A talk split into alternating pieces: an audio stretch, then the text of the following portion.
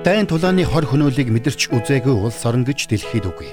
Тиймээс ч улс орон бүр батлан хамгаалахын салбартаа анхаарч гадны халдлагад өртсөн тохиолдолд хэрхэн хамгаалах тусгай төлөвлөгөөг баталсан байдаг.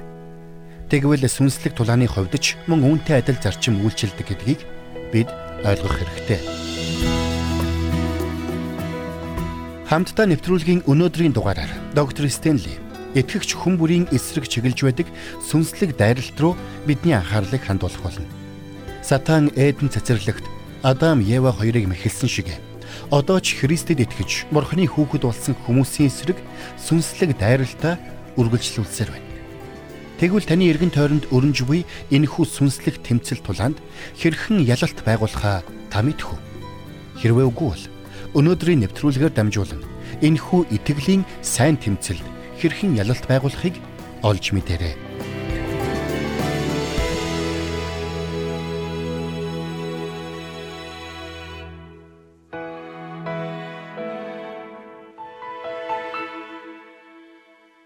Есүс Христэд итгэж биднийг Библиэд олон янзаар нэрлсэн байдаг. Жишээ нь биднийг зарц гэж дуудсан байдаг бол өөр нэгэн газарт хонин сүрэг гэж нэрлсэн байдаг. Цаашлбал биднийг ариун хүмүүс гэж дуудсан байдаг бол а бас нэг өөр нэгэн газарт цэрэг хэмээн дуудсан байдаг. Биднийг хонин сүрэг буюу ариун хүмүүс зарц гэж дуудахыг бид ойлгож болно. Гэтэл яагаад биднийг цэрэг гэж нэрлсэн юм болоо? Бурхан бидэнд амар тайвныг амлаагүй гэж үү? Гэтэл яагаад бид цэрэг байх ёстой юм? Бид бусдыг хайрлах ёстой болохоос дайтах ёстой биш шүү дээ. Тэгвэл өнөөдөр би та бүхэнтэй жухамдаа энэ л сэдвэр ярилцахыг хүссэн юм. За ингээ хамтдаа 2 дугаар Тимот номын 2 дугаар бүлгийг гаргаад харъя. Өнөөдрийн сэдв бол зөрчил тэмцэл. 2 дугаар Тимотийн 2 дугаар бүлгийн эхний дөрвөн ишлэлдэр Илч Паул бидэнд энд дурддагдж буй цэрэг гэсэн нэрийн цаад санааг тайлбарлсан байна. Тэгвэл бид энэ хэсэгт тулгуурлаад Христэд итгэгчид бид ямар цэрэг байх ёстой юм бэ? Бидний тэмцэл яг юу юм бэ гэдгийг тайлбарлаж өгөхийг хүссэн юм. За ингээд хамтдаа 2 дугаар Тимот номын 2 дугаар бүлгийн 1-ээс 4 дугаар ишлэгийг уншийе. Иймд хүмүн Христ Есүст буй нэгүслэр зоригтой бай. Олон гэрч нарын өмнө надаас сонссон зүйлсийг бусдад заах чадвартай итгэмжт хүмүүст даатга. Христ Есүсийн сайн цэрэг адил надтай хамт зов. Ямар ч цэрэг цэрэгт датагдчта таалагдахын тулд аж амьдралын явдалд хутгалддаггүй юм. За тэгэхээр өнөөдөр олон хүн Христэд итгэж итгэлийн амьдралаар амьдрч эхэлдэгч төд удалгүй би хэлсэн бүхнийг чинь хийсэн. Би Есүс Христийг эзнээ болгон хүлээн авсан. Тэгэд бүх зүйл сайхан болно гэж бодсон шүү дээ гэж гомдлож эхэлдэг юм. Мэдээж Христэд итгэсэн хүний нөхцөл байдал өмнөхөөс хавгүй дээрддэг. Юуны түрүүнд Христэд итгэсэн тэр мөчөд таны гим нүгэл бүхэлдээ уучлагдах болно.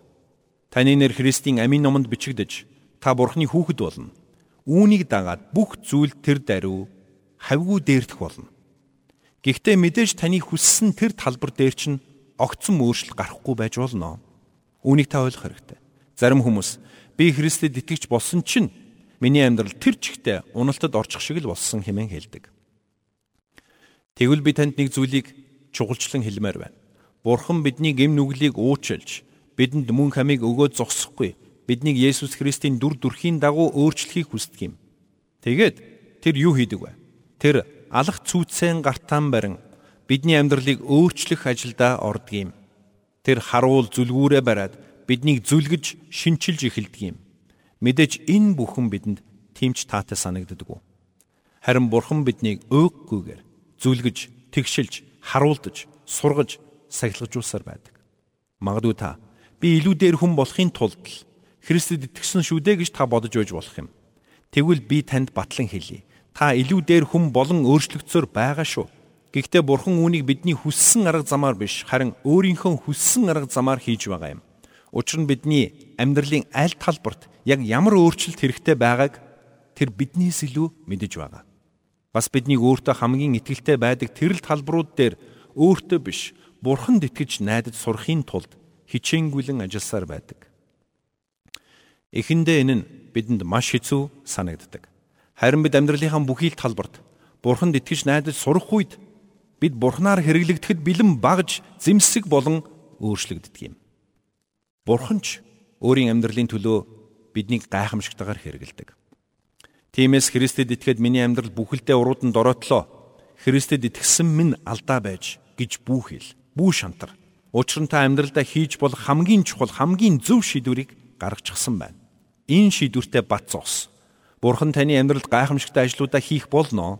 Тиймээс ч Элч Паул урам хугарсан байсан Тимотед хандан Христ Есүсийн сайн цэрэг адил надтай хамт зовоо гэж хэлсэн. Ингиж урамшуулсан. Энд би танд нэг л зүйлийг чухалчлан хэлмээр байна. Бидний итгэлийн амьдралд буй зөрчил тэмцэл дараах гурван дайсны эсрэг байдаг юм. Өөрөөр хэлбэл та бидэнд дараах гурван төрлийн дайсан байдгаа гэсэн үг. Бидэнд дотоод дайсан гэж би. Мөн гадаад дайсан гэж би. Бас сатан хэмээх гурав дахь хамгийн аюултай дайсан гэж би. Түүний хэн болохыг та сайн мэднэ. За тэгвэл эдгээр гурван дайсныг товчхон авч үзье. Бидний дотоод дайсан гэж тэгвэл яг юу юм бэ? Бидний хүн нэг бүрт энэ дотоод дайсан гэж би. Библиэд үүнийг мах бие буюу махвд гэж нэрлсэн байдаг юм. Галат номын 5 дугаар бүлгийн 19-с 21-ийг гаргаад унших юм бол харин махвдын үйлс нь илэрхий юм а. Эдгээр нь завхаарл, бузар тачаал, садарлал, шүтэн шүтлэг, ид шид, дайсагнал, маргаан, хардалт, уур хилэн, хагаралдаан, хагарал, тэрс үзэл, атаархал, аригталт, утга учиргүй наргиж цэнгэх зэрэг юм. Би нь та нарт сануулж байсанчлан урдчлан сануулъя. Ийм зүйлсийг үйлдэгчт нь Бурхны хаанчлыг өвлөхгүй гэж Паул хэлсэн байна. Илч Паул бидний амьдралыг ариун сүнс өдөртөхгүй л бол эсэргээрээ бидний бие махбод буюу махбодын гемт мөн чанар мөн өдөрдөх болно гэдгийг онцолсон байна. Ийхүү бид махбодынхон хүслийг даган амьдрч эхлэх үед бид Христэд итгэж хүнээс гарахааргүй. Бурханлаг бус ёрын муу зүйлсийг үйлдэж эхэлдэг юм. За тэгвэл бидний хоёр дахь дайсан бол гадаад дайсан. Энэ бол бидний хүрээлэн буй ертөнц юм. Үүнийг Библиэд өөрөөр хорвоо хэмээн нэрлсэн байдаг. За ингээд хамтдаа 1-р Иохны 2-р бүлгийн 15-ыг гаргаад харъя. Энэ нь яг юу гэсэн утгатай болохыг харцгаая. 15 дээр нь хорвоо хийгээд хорвоогийн юмсад бүү дурал гэсэн байна. Тэгвэл энд гарч байгаа хорвоо гэдэг үгийн утгыг би тань тайлбарлаж өгье. Энэ бол бидний амьдарч буй хүрээлэн буй нийгэм соёл бүх ихтгэл үнэмшлийн систем, гүн ухаан, амьдралын хэв маягийн цогц нийлбэр юм. Өөрөөр хэлбэл цорын ганц амьд үнэн бурхнаас ангид байх ихтгэл үнэмшил, ангид байх амьдралын хэв маягийг энд хэлж байгаа юм. Тэгвэл Илч Паул энэ тухайга хэлэхдээ ийм амьдралын хэв маягийг бүү хайрлаарай. Ийм үзэл бодол сэтгэлгээ, ихтгэл үнэмшлийг бүү хайрлаарай. Энэ бүхэнд бүү автаарай үүнтэй адил бүү болоорой хэмээн зөвлөсөн байна. Хэрвээ хэн нэгэн ийм зүйлс дурладаг бол тэр хүнийг Паул тодорхойлохдоо хэн нэг нь хорвоо дурладаг бол түүнд эцгийн хайр алгаа гэсэн байгаа юм. Өөрөөр хэлбэл та энэ дэлхийн бурхангүй систем, бурхангүй хандлага, бурхангүй амьдралын хэв маягийг хайрлаж байгаа бол таны дотор бурхан эцгийн хайр байхгүй байна гэсэн үг юм. Учир нь энэ хоёр зүйл нэг дор зэрэгцэн орших боломжгүй юм. Ингээд хамтдаа цааш нь Паул юу гэж өгүүлснийг харъя. 16 17. Учир нь хорвоод байгаа бүхэн тухайлбал махбодийн хүсэл тачаал, нүдний хүсэл тачаал, амьдралын бардамнал нь эцгээс бус харин энэ хорвоогоос юм. Хорвоо хийгээд түүний хүсэл тачаал өнгөрөн одноо. Харин бурхны хүслийг үйлдэгч нь мөнхөд оршмоё гэсэн байна. Энд Элч Паул хэлэхдээ энэ үеийн дагуух ихтгэл үнэмшил, амьдралын хэм маягт бүү авт. Учир нь энэ бүхэн үлрэн одох болно гэж сануулсан байна. Тиймээс бид ийм зүйлстэй холбогдох шаардлагагүй юм. Тэгэхээр бидний гадаад дайсан бол энэ үеийн амьдралын хэм маяг, ихтгэл үнэмшил байх нь. За тэгвэл гурав дахь том дайсан бол сатан юм. Хэрэг бид Яаков номын 4-ийн 7-ыг харах юм бол Яаков бидэнд ийхүү сануулсан байна. Тиймээс бурханд захирагдах тун диаволыг эсэргүүц. Тэгвэл тэр та нараас зайлна. Энэ бүхнээс үзвэл итгэвч бидний эргэн тойрон зөрчил тэмцэл өрнөж байдаг нь маш илэрхий байна. Юуны төрөнд бидний дотор бие махбод болох нэгэн дайсан байдаг бахан. Махбодын нүгэлт мөн чанар биднийг энэ дэлхийг орхих хүртэл хамт байсаар байх болно. Удаахан хорвоо буюу бидний эргэн тойронд буй энэ үеийн итгэл үнэмшил амьдралын хэв маяг нь бидний гадаад дайсан болсон байна. Мөн эцэст нь сатан химэх дайсан байна. Библиэд хэлэхдээ бид түүнийг эсэргүүцэх ёстой гэдгийг тодорхой сануулсан байгаа юм. Элч Яаков хэлэхдээ бид түүнийг эсэргүүцвэл тэр биднээс зайлна гэдгийг батлан хэлсэн байна. Тэгвэл хамтдаа Эфес номын 6 дугаар бүлгийн 10-аас 12-ыг үздэцгээе. Эндээс бид сатааны хаанчлалын тухай багч гисэн ойлголтыг авах боломжтой юм. Эцэст нь эзэн ба түүний чадлын агуу хүч дор хүчтэй байхтун. Та нар диавлын залмихийн эсрэг зогсож чадахын тулд Бурхны өвч зэвсгийг агс. Учир нь бидний тэмцэл бол мах цусны эсрэг биш харин энхүү харанхуй ертөнцийн захирагчд эрх мэдэл хүчтнүүд Тэнгэрлэг оршихуй дах ёрийн муу сүнслэг хүчний эсрэг билээ гэсэн. Паулынд Христэд итгэжтийн хийж байдаг тэмцэл нь ёрийн муу сүнслэг хүчний эсрэг, сүнслэг тэмцэл гэдгийг тодорхой хэлсэн байна. Тиймээс энэ тэмцлийг нүдэрээ хараад гараараа барьж заах боломжгүй байдаг юм. Учир нь бидний дайсан бол нүдэнд үл үзэгдэх дайсан юм. Гэтэл сатан бидний эсрэг дайтахдаа бидний дотор буй уур хилэн атаа хорсол, өс сонзон, атаархал, хүчрхийллээр дамжуулан ажилд юм. Харин бид үүнийг нь харахтаа бидэнд уурлаж байгаа, биднийг үзен ядаж байгаа тэр хүмүүс бидний дайсан юм шиг сандаг. Тиймээс жилж Паул бидэнд онцгойлон сануулахдаа бидний тэмцэл бол махуудын эсрэг биш шүү. Харин харанхуй ертөнцийн захирагчд, эрх мэдлүүд, хүчнүүд Тэнгэрлэг оршихуй дах ёрын муу сүнслэг хүчний эсрэг шүү гэж сануулад байна. Тэгэхээр бид хамгийн түрүүнд бидэнд гурван дайсан бий гэдгийг ойлгочихлоо. Эхнийх нь бидний дотор байдаг бидний хүн чанар өөрсдөө мөн хоёр дахь нь бидний гадна талд хүрээлэн буй орчинд байдаг. А гурав дахь нь нүдэнд үл үзэгдэх сүнслэг дайсан байх нь. Сатааны гар хөл болсон ёрын муу сүнснүүд хаасайгүй байдаг юм шүү. Тиймээс ч биднийг Христийн загалмайн тухай, түүний сайн мэдээний тухай ярих үед сатан байж яддаг. Тийм учраас сатан пасторудад нөлөөлж тэдний сургаалыг илүү либерал болгож номлолоос нь Христийн цус, Христийн загалмайн тухай сэдвүүдийг аажмаар арилгахыг хичээж байдаг юм. Би өмнө энэ тухай олон удаа хэлж байсан да. Энэ удаад ч гэсэн дахин хэлмээр байна.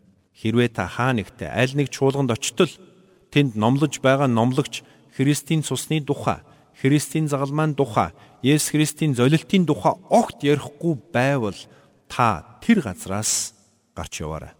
Учир нь тэр зааж буй хүний теологт нь итгэгч хүн нэг бүрийн итгэлийн суурь байх ёстой тэр ойлголт байхгүй байна гэсэн үг юм.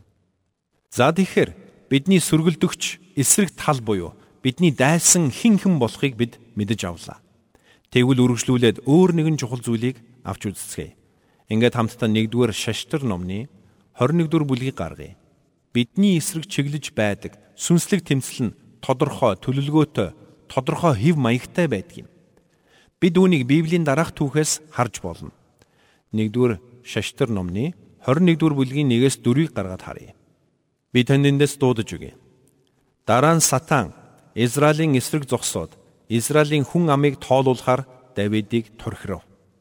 Тиймээс Давид цэргийн жанжингууд ба Йобат явж Бершибагаас дан хүртэлх Израильчуудыг тоолж мэдээг надад авчирвал би тэдний тоог мэдэх болно гэв. Йов эзэн ард олноо 100 дахин өсгөх болтугай. Хаан эзэн минь тэд бүгдээрээ эзний минь зарц босуу. Яагад миний эзэн ийм зүйл шаардна вэ? Юунд та Израильд ял авчрах ёстой вэ гэв. Гэсэн ч хааны үг Йобыг дийлв. Тиймээс Йоб хөдлөн Израиль даяар яваад Иерусалимд эргэж ирэв гэсэн байна. Хэдийгээр Давидын цэргийн жанжин Йоб түүний тушаалыг эсэргүүцсэн ч аргагүй эрхэнд явж Давидын тушааснаар үлдсэн байна. Цаашаа юу болохыг харъя. 7 8 дугаар ишлэл дээр.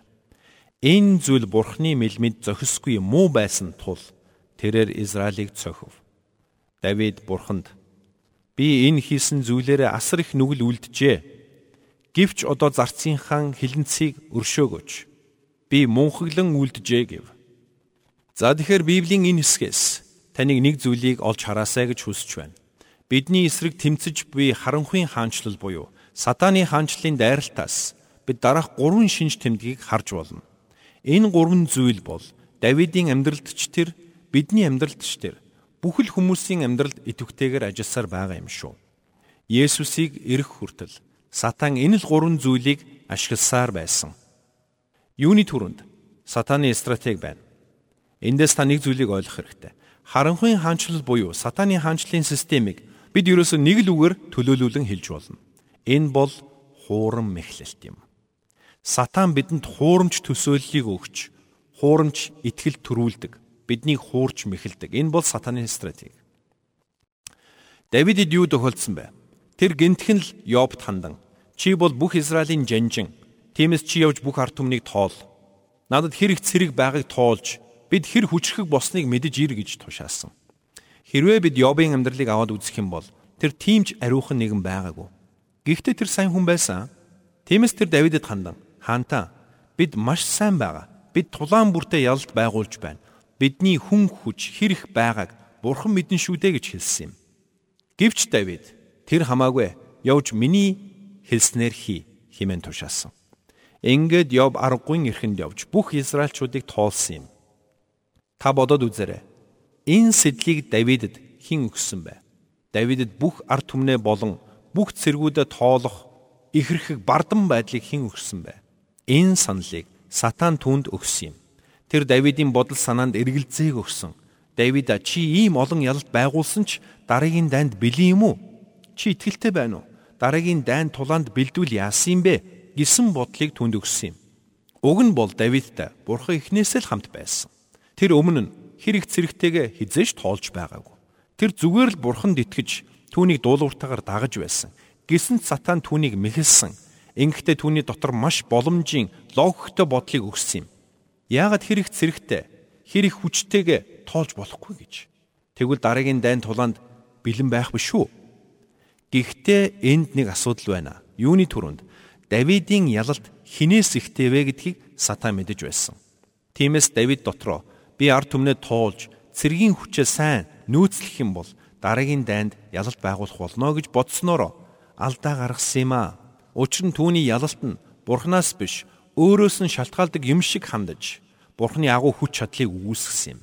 Тийм ч учраас энэхүү дуулуургүй байдлаас нь болоод бурхан түүнийг шүүж үр дүнд нь улс үндэст нь шүүгдсэн юм.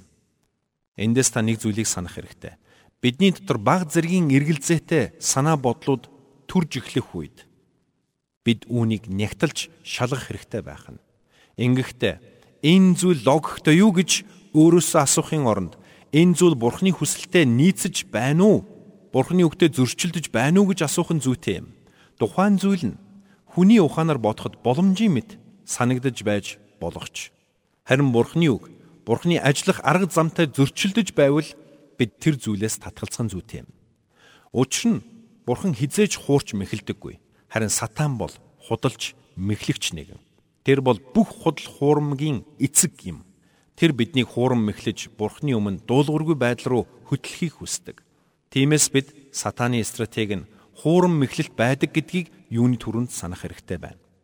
Хоёрдугаарт сатан хэнийг онилж байсан бэ? Түүний гол байн хэн байсан бэ? Өдөрдөгчд. Мэдээд сатан зөвхөн өдөрдөгчийг онилдог юм биш Сатан бүх итгэгчдийг онилдог юм. Гэхдээ тэдний голлох байна мэдээж өдөрдөгчд болдго юм. Тиймээс ч Сатан Давидыг гол байгаа болгосон. Хэрвээ тэр удирдлагын байр суурьнд байгаа хүмүүсийг хуурам эхэлж төөрөгдүүлж чадвал үр дагавар нь хавьгүй илүү ноцтой байх болно гэдгийг Сатан сайн мэддэг юм. Тиймээс тэр улс төрийн санхүү эдийн засгийн, нийгэм соёлын, хэвлэл мэдээллийн, боловсрол шинжлэх ухааных гэд бүхий л талбарт буй өдөрдөгчдийг хуурам эхэлж өрхөндөө оруулахыг зорж байдаг юм. Яагаад? Яагаад гэвэл аливаа удирдахч сатааны хуурам мэхлэлтэд автах үед үр нөлөөг нь түүний удирдлага дор байгаа бүх хүн үүрч байдаг юм. Улс үндэстний удирдахч мэхлэгдэх үед үр дагаврыг нь улс үндэстэн даяараа мэдэрч байдаг юм. Дэлхийн хэмжээний удирдахч хүн сатааны хуурам мэхлэлтэнд автах үед ур чадварыг нь дэлхийн нийтээрээ амсаж байдаг юм. Жишээ нь Адольф Гитлер л гэхэд бусдыг урамшуулан зоригжуулах удирдан зохион байгуулах гоц авьяаст нэгэн байсан. Гэвч сатан түүнийг хуурж дэлхийг бүхэлдэн захирагч эзэн болж чадна гэсэн бодлыг төрүүлсэн. Дэлхийг захирах хамгийн дээд угсаатныг бий болгож түүгээрээ дамжуулан дэлхийг захирч болно гэсэн итгэлийг түүнд өгсөн юм. Энэ нь эцэстээ юу болж төгсснийг бид бүгд мэднэ. Өдөрдөгчдийг хуурам мэхлэх нь ямар өргөн их нөлөөтэй болохыг сатан хин хүнээс илүү сайн мэддэг юм. Юуны түрүүнд сатаны стратеги юу байсан бэ? Энэ бол хуурам мэхлэлт. Тэгвэл түүний гол байна хэн бэ? Гол байна өдөрдөгчд. Гэхдээ мэдээж бүх хүмүүс түүний дайралтын бай болдог. Тэгвэл 3 дугаарт түүний зорилго нь юу юм бэ? Энэхүү сүнслэг тэмцэл донд сатан ямар зорилгыг өвөрлөж байдаг юм бэ? Энэ бол Бурхны нэр төрийг гутаах явдал юм. Хамгийн гол нь энэ. Би агуу хүчит Бурхны сэнтэд сунаа. Би түүнтэй адил болно гэж сатан хэлсэн. Тэр ингэж зүтгснийхээ улмаас Тэнгэрээс хөөгдсөн юм. Тэр цагаас хойш сатан Тэнгэрт хийж чадаагүй бүхнээ энэ дэлхий дээр хийх гэж оролдох болсон юм. Тэр энэ дэлхий дээр эмх замбраагүй байдал, дайн дажин, хүчрхийлэл, ичхүр, доромжлол, завхаарл зүсэн бүрийн ёрийн мөг зохион байгуулахдаа эцсийн дүндээ Бурхны нэрийг гутаан доромжлож мөн өөрөө Бурхан шиг болох туйлын зорилгыг тээж байдаг юм. Өнөөдөр Христэд итгэгчид бид сүнслэг тэмцэл дунд амьдарч байна. Бидний амьдрал тулгарч буй сүнслэг тэмцэл бүр үхэл амьдрал шийдэхүйц чухал юм. Чухал биш тэмцэл гэж нэгч үгүй. Тийм учраас Библиэд хэлэхдээ бидний энэ тэмцэл бол махуудын эсрэг биш харин ёрын муу хүчнүүдийн эсрэг юм гэдгийг онцлсан байна. Илч Паул Тимотед Христ Есүсийн сайн цэрэг адил надтай хамт зовоо химэн хэлэхдээ өөр нэгэн чухал санааг хэлсэн гэдгийг бид ойлгох хэрэгтэй. Юу гэвэл Христэд итгэгчид бид энэ бүх сүнслэг тэмцэл дунд амьдрахдаа энэхүү сүнслэг тэмцлийн талаар маш баланстай ойлголттой байх ёстой юм. Тэгвэл баланстай ойлголт гэдэг нь юу юм бэ? хамгийн түрүүнд бид диавлын хүч чадлыг үл тоох буюу дутуу үнэлэх ёсгүй юм. Сатаны хүч чадал биднийхтэй харьцуулшгүй юм. Хэрвээ бид Библийг харах юм бол хамгийн анхны хүмүүсээс эхлээд Израилийн өдөрдөгчд Бурхны итгэлийн баатруудыг ар араас нь бүдрүүлэн нэг бүрчлэн ялсаар ирсэн. Хэрвээ бид эргэн тойрноо харах юм бол сатан одоо ч ялсаар байгаа мэт харагдаж байгаа. Тиймээс бид сатаны хүч чадлыг дутуу үнэлж эсвэл үл тоох ёсгүй юм. Хоёрдугаарт бид сатаны хүчийг хэтрүүлэн үнэлэх ёсгүй юм. Түүний хүч чадалд химжээ хязгаар бий. Тэрээр энэ хүч чадлаа зөвхөн Бурхны бүтээлүүд дээр л хэрэглэж чадна. Түүний хүч чадал энэ дэлхийн ертөнцөөр л хязгаарлагддаг юм. Тиймээс түүний хүч чадал хязгаартай гэдгийг бид ойлгох ёстой. Тэгэхээр бид сатаны хүчийг дутуу үнэлэх ёсгүй, бас хэтрүүлэн үнэлэгч ёсгүй байх нь. Цаашилбал бидэнд сатанаас айж хулчих шалтгаан байхгүй. Энэ нь бид түүнээс хүчтэй учраас биш юм. Та сайн сонсоорой. Харин Есүс Христ доторх бидний байр суурь онцгой учраас тэр юм. Бид энэ тухай дараа ярилцах болно.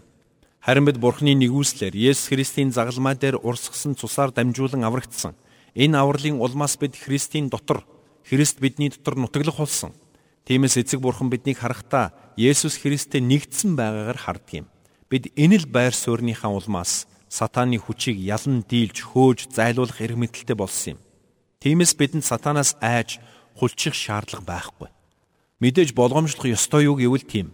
Мэдрэмжтэй байх ёстой юу гэвэл тийм. Айх ёстой юу гэвэл харин ч үгүй шүү. За тэгвэл та сайн сонсоорой. Тэгэхээр бид сатаныг хэн болохыг Түүний хүч чадал ямар болохыг маш зөвөр баланстайгаар харж чаддаг байх нь бидний итгэлийн амьдралын тулааны тактик байх нь. Мөн ариун сүнс бидний дотор байж бидэнд хүчийг өгч бидний эсрэг чиглэсэн ямар ч сүнслэг дайралтыг ялан дийлэх замыг бидэнд нээж өгдөг гэдгийг бид ойлговол энэ нь бидний амьдралын тулааны ялалтын тактик байх нь. Христ Есүсийн сайн цэрэг адил надтай хамт зов гэж Паул уриалсан. Бурхан бидний амьдралд зарим зовлон бэрхшээлийг зөвшөөрдөг нь онцгой зорилгын төлөө юм. Тэгвэл энэ нь ямар зорилготой юм бэ? Биднийг өөрчилж, шинчилж, хэлбэржүүлэхийн тулд Бурхан үүнийг зөвшөөрдөг юм. Бидний зан чанарыг барьж байгуулахын тулд үүнийг зөвшөөрдөг. Тинхүү эцсийн дүндээ бид түүний хүслийн дагуу өөрчлөгдөж, бидний амьдралд хандсан түүний зорилгыг гүйцэлдүүлэх бүрэн боломжтой болдог юм. Би хувьд нэг чухал зарчимд итгэдэг. Бидний туулсан зам хэдий бартаатай байж бидний туулах хүндий хэдий түнэр харанхуй байна бидний хүрх оргил төдий чинээ сүр жахлантай байх болно гэдэгт би итгэдэг. Бидний өмнө тулгарсан саад бэрхшээл, сорилт, зовлон зүдгүр, сэтгэлийн шанал, тэмцэл тулаан хэдий чинээ ширүүн байна. Бидний ялалт төдий чинээ дуу чимээ агуу байх болно. Тиймээс Бурхан бидний амьдралд агуу ялалтаа өгөхөөр бэлдсэн гэдгийг та санаарай. Бидний амьдралд ямар ч асуудал тулгарсан бай. Бидний туулж байгаа зовлон хичнээн хэцүү бай. Хамаагүй. Бурхан тэр бүхний цаана ажилласаар байгаа гэдэгт итгээрэй. Эцэст нь би нэг чухал зүйлийг хэлмээр байна. Энэ сүнслэг тэмцэлд бид ялалт байгуулахын тулд Есүс Христтэй хувьчилсан харилцаатай байх учиртай. Найз минь, хэрвээ чи Есүс Христийг аврагчаа болгон хүлээж аваагүй бол чи энэ тэмцлийг даван гарч чадахгүй юм. Эцэст нь таны энэ дэлхий дээрх амьдрал дуусч Бурханаас мөнхийн мөнхөд тусгаарлагдах болно. Харин хэрвээ та Есүс Христийг аврагчаа болгон хүлээн авсан бол бүх зүйл өөр байх болно. Мэдээж таны амьдралд зовлон бэрхшээл байх болно. Гэхдээ тэр бүх зовлон бэрхшээлийн дунд Бурхан өөрөө сүнсээрээ тантай хамт байх болно. Бурхан өөрөө тантай хамт байх болно. Юуны төлөө тэрвэ? Таныг түшхийн тулд, таныг барьж байгуулахын тулд, таныг урамшуулан зоригжуулж, таны нуруунд дээрх ачаагч нь хөнгөлөхийн тулд тэр юм. Гэхдээ нөгөөтэйгүр тэр бидний амьдралд буй зовлон бэрхшээлээр дамжуулан биднийг хэлбэршүүлж өөрийнхөө Есүс Христтэй адил дүр төрхөөр өөрчилж байдаг юм. Христэд итгэгчид бид Есүс Христийн дүр төрхөөр өөрчлөгдөн гэдэг угтаа бол бидний амар хялбар амьдралаас илүү чухал юм. Тиймээс бидний амьдарч буй дэлхийн ертөнц хэдийгээр тэмцэл тулаанаар дүүрэн боловч Есүс Христ бидэнтэй хамт учир эдсийн ялагчт нь та бид байх болно.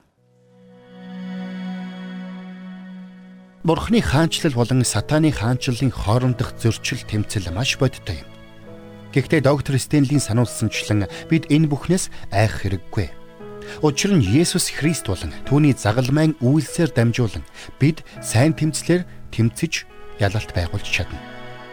Сүнслэг тэмцэл маш бодтой гэдгийг бид санах учиртай.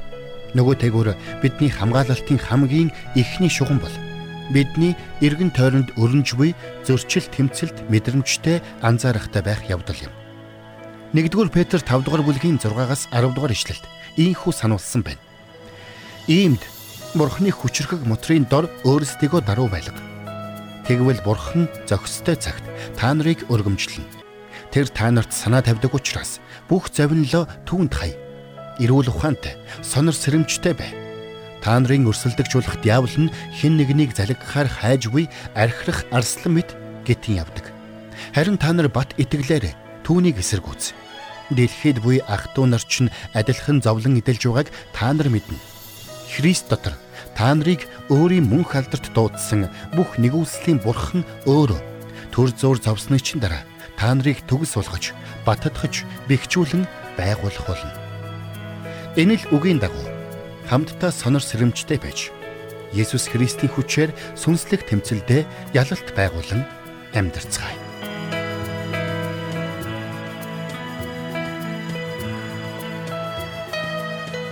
Бурханд тэмүүлсэн сэтгэл хүмүүсийг энэрх зөрхөөр амьдрахад туслах номлогч доктор Чарлз Стенлигийн хамттай нэвтрүүлэг сонсогч танд хүрэлээ.